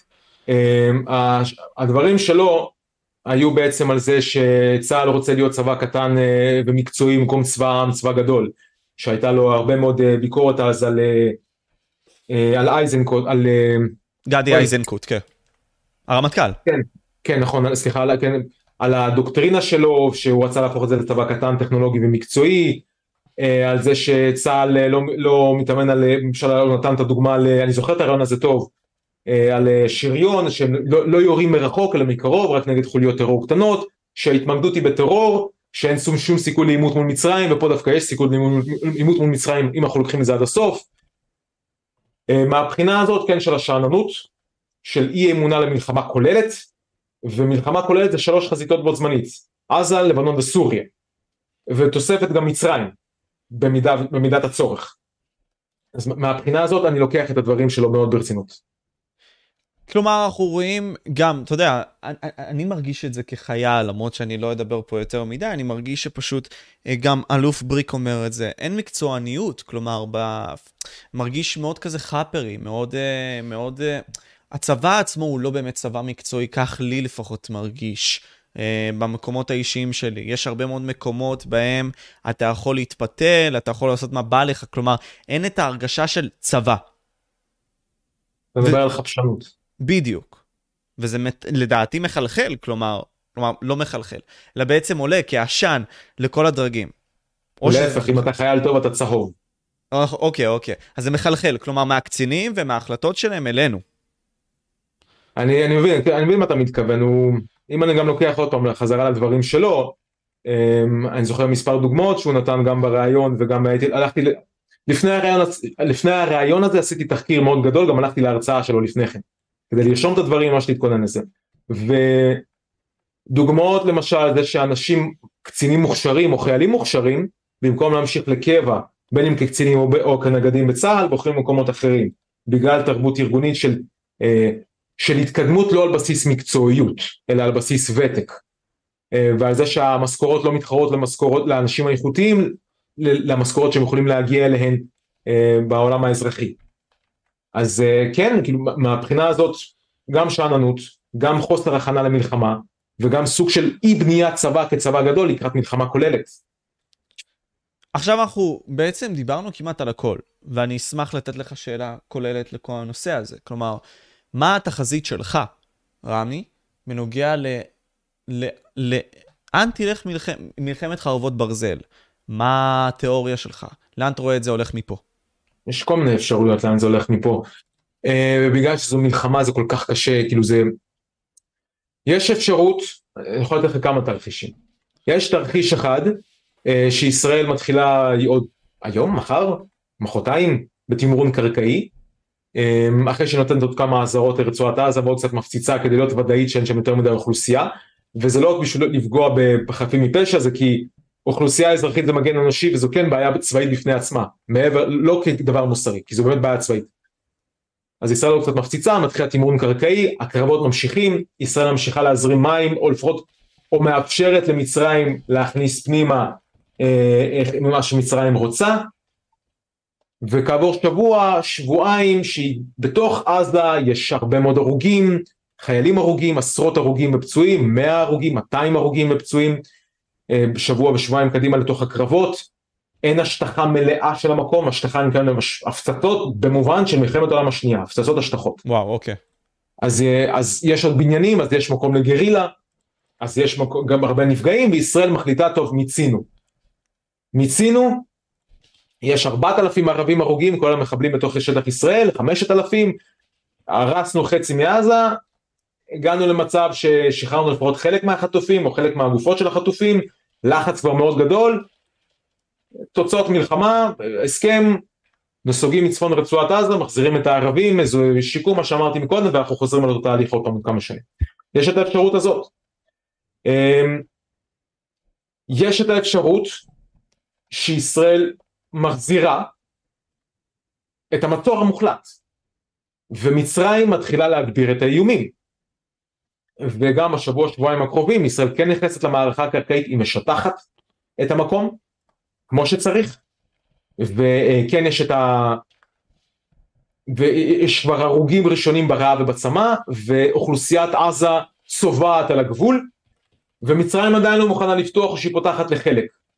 ומצרים מאיימת בצורה צבאית, וחיזבאללה יורה רקטות, ואיראן יורה רקטות ממערב אפריקה, וכטב"מים מתאבדים, ויש לי פשיטות על הגבול, כי עכשיו ממש מה, מהיום אה, איראן אה, התחילה להעביר עוד יחידות, אה, משמרות המהפכה עוד יחידות שיעיות על גבול ישראל בסוריה ויש עוד פשיטות ויש מערך רקטות ויש פגיעות של החות'ים מתימן בספינות ישראליות ויש התקפות של סייבר כבדות של איראן ויש התקפות של טילים של איראן על ספינות ישראליות, ספינות סוחר ישראליות בים הערבי או באזור האוקיינוס ההודי או בים האדום וזה מידרדר למלחמה כוללת עד כדי מצב של לימוד צבאי.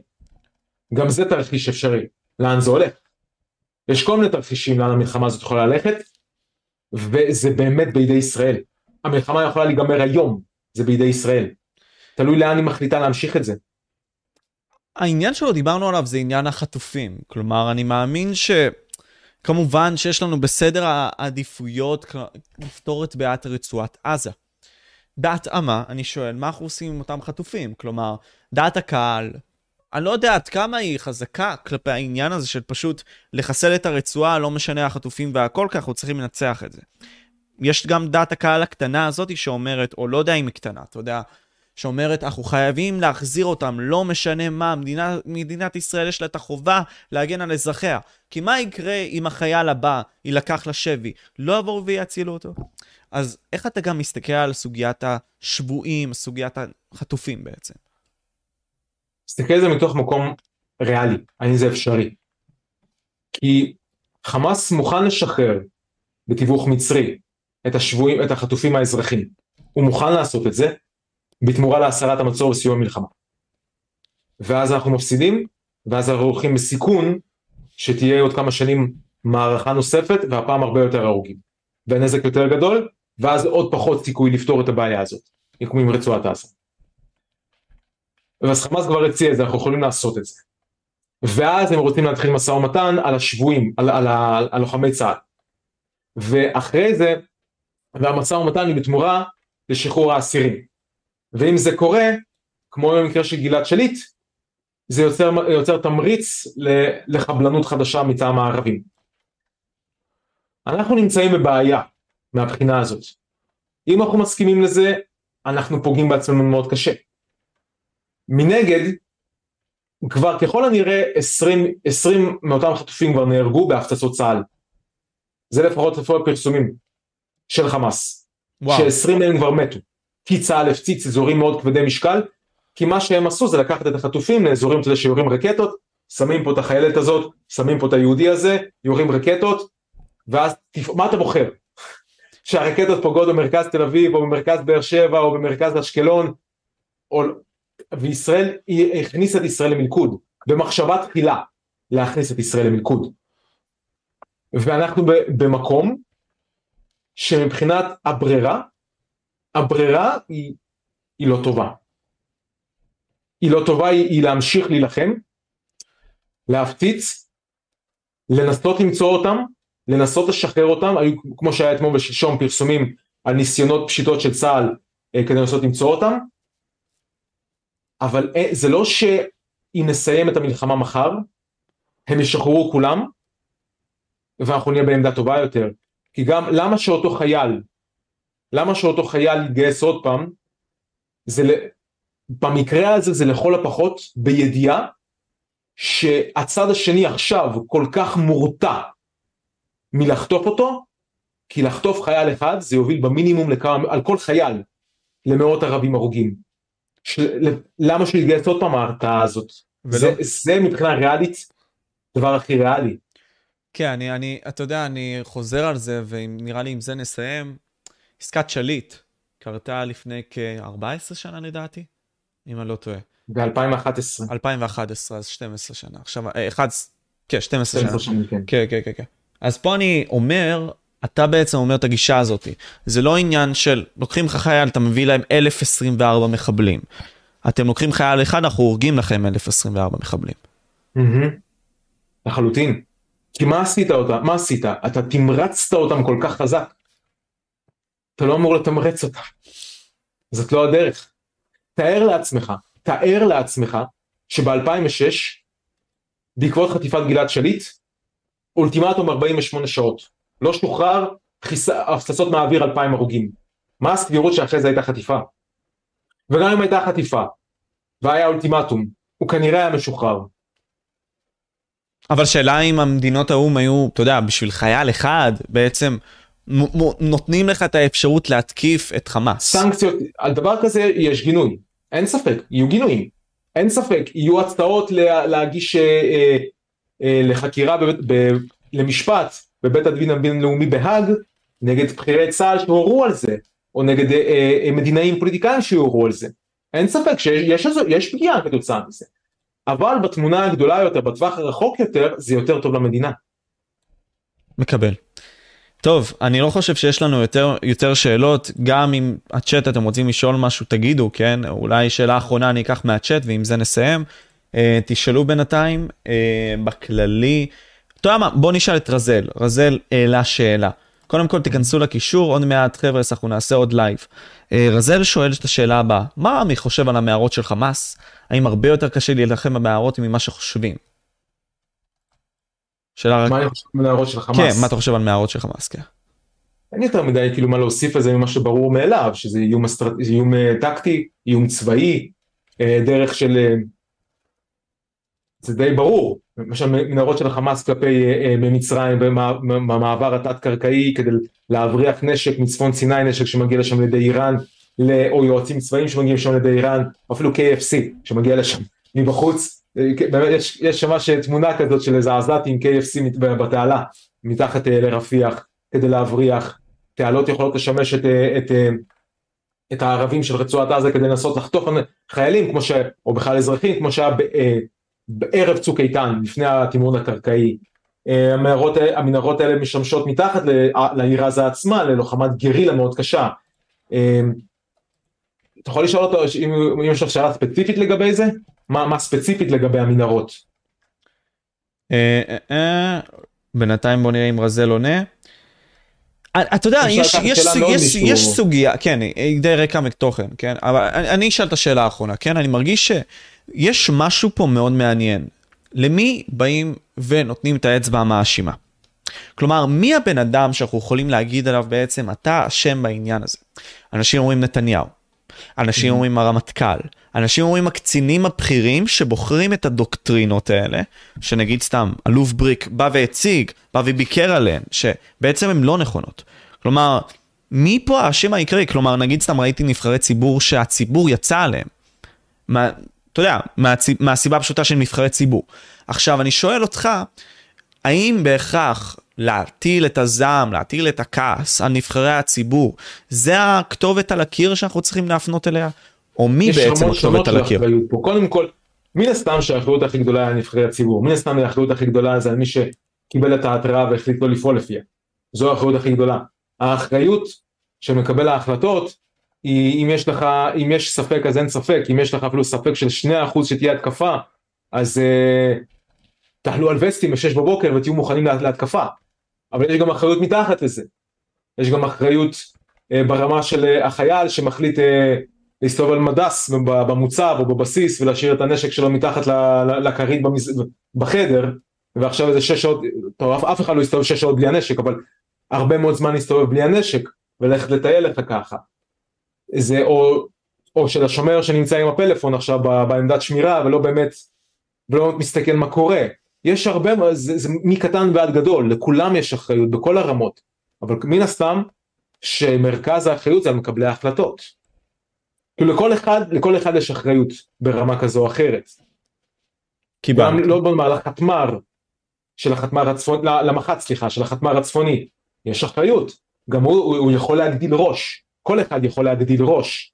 אה, לנהג בט"ש, שנוסע עכשיו ופותח את הצירים, אה, לגשש, שבפתיחת ציר לא מסתכל בכלל, זה משהו שאני זוכר אותו אה, כשהייתי בקבע, לא מסתכל בכלל האם יש עקבות או אין עקבות. לכל אחד בכל רמה יש אחריות למה שקורה. אבל עוד פעם, למקבלי ההחלטות זה מרב האחריות. מי שככל שאתה יותר למעלה, יותר אחריות עליך. אני שוב רוצה לציין את מה שרמי אמר, שוב פעם, אם אתם יוצרי תוכן, אנשים פרטיים וכל מיני כאלה שפשוט רוצים לעזור בכל מה שקשור להסברה הישראלית, כי בסופו של דבר אנחנו מוגבלים עם התקשורת, התקשורת יכולה לעשות איזה שהם דברים מסוימים, לא יכולה לעשות הכל, אנחנו יכולים בסופו של דבר להפיץ את הדברים האלה, להפיץ בעצם את החשיבות של מה שקורה עכשיו במצרים עם רפיח, ואולי ליצור השפעה יותר גדולה על התקדמות המלחמה. אה? אתה יכול לשתף תמונה עכשיו בשידור? כן, כן, בשמחה, תשלח. אתה יכול לשתף את התמונה, תשתף את התמונה ששלחתי לך. מאה אחוז, אין בעיה, אני גם אראה אותך, אה, שנייה. כמה אנשים נמצאים עכשיו ב... לבינתיים נמצאים פה מאה. מאה אנשים. אוקיי, מאה אנשים זה הרבה. אה, מאה אנשים, שאני אחזור על מה שאמרתי מקודם, זה מה שאתה הלכת לעשות עצמך הפסקה בשידור חי למאה אנשים האלו, על זה ש, שאם מי שמכם רוצה להיכנס לקרוא את הפוסט שהתפרסם אתמול, אה, ואז אני לא אכנס להסבר יותר מדי ארוך, וגם להיכנס את הפוסט שיהיה מחר בערב, והתמונה שתעלה עכשיו, לשתף אותה, וכל תמונה אחרת שתעלה, זו תמונה אה, גרפיקאי, אני, אני לא אומר את שמו, אה, פה ברבים, אבל גרפיקאי שהתנדב לעשות את זה כחלק מהמאמץ המלחמתי, כדי ליצור באמת את הלחץ הציבורי הזה. אני משתף את התמונה ממש, עכשיו רואים אותה. עכשיו רואים אותה ממש, Egypt open the border. בדיוק, זה המסר שצריך לעבור. קיבלתי. טוב, רמי, תודה. אז תודה רבה לך. כמו תמיד, היה לי הכבוד לדבר איתך, אני חושב שאתה עושה דברים נפלאים, כעצם העובדה שאתה פשוט מתמיד, כמובן שזה עוזר לך, כן, אין, אין מה להגיד, אבל ההתמדה שלך, איך שאתה מסביר את זה ומנגיש את זה לציבור, אי אפשר לקחת את זה ממך. כלומר, אתה עושה פה השפעה מדהימה, ולדעתי, כמו ששלחתי לך באחת מההקלטות, אני זוכר, הייתי באמצע צילומים שאני פחות יכול לדבר עליהם, אבל פתאום אני שומע את היום הרביעי, שאתה מדבר בעצם על המלחמה, לדעתי זה היה, ואמרת, אתה נותן נחת לאנשים. אני חושב שעצם ההנגשה של המידע, שאתה נותן בעצם, נותן איזשהו נחת. כלומר, לא ללכת לטלגרמים ולראות את הדברים האלה בפועל, אלא בעצם אתה מתמצת, אתה מרכז, אתה מכווין, וככה יוצר מין סוג של קהילה מסוימת, מאוחדת, שאולי תיצור משהו יפה בעתיד. כן. טוב, אנחנו היינו פה. חבר'ה, אז תיכנסו לקישור גם של רמי, אה, הוא הולך להיות פה בתיאור בלי קשר, כן? אה, ותיכנסו גם לקישור שאני מציב לכם פה עכשיו, הולך להיות לייב נוסף כאן, אה, בשעה שמונה ורבע. אני הייתי פה, משה פבריקנט, וזה היה רמי רחמיאל מהערוץ לאומנות, ואנחנו היינו...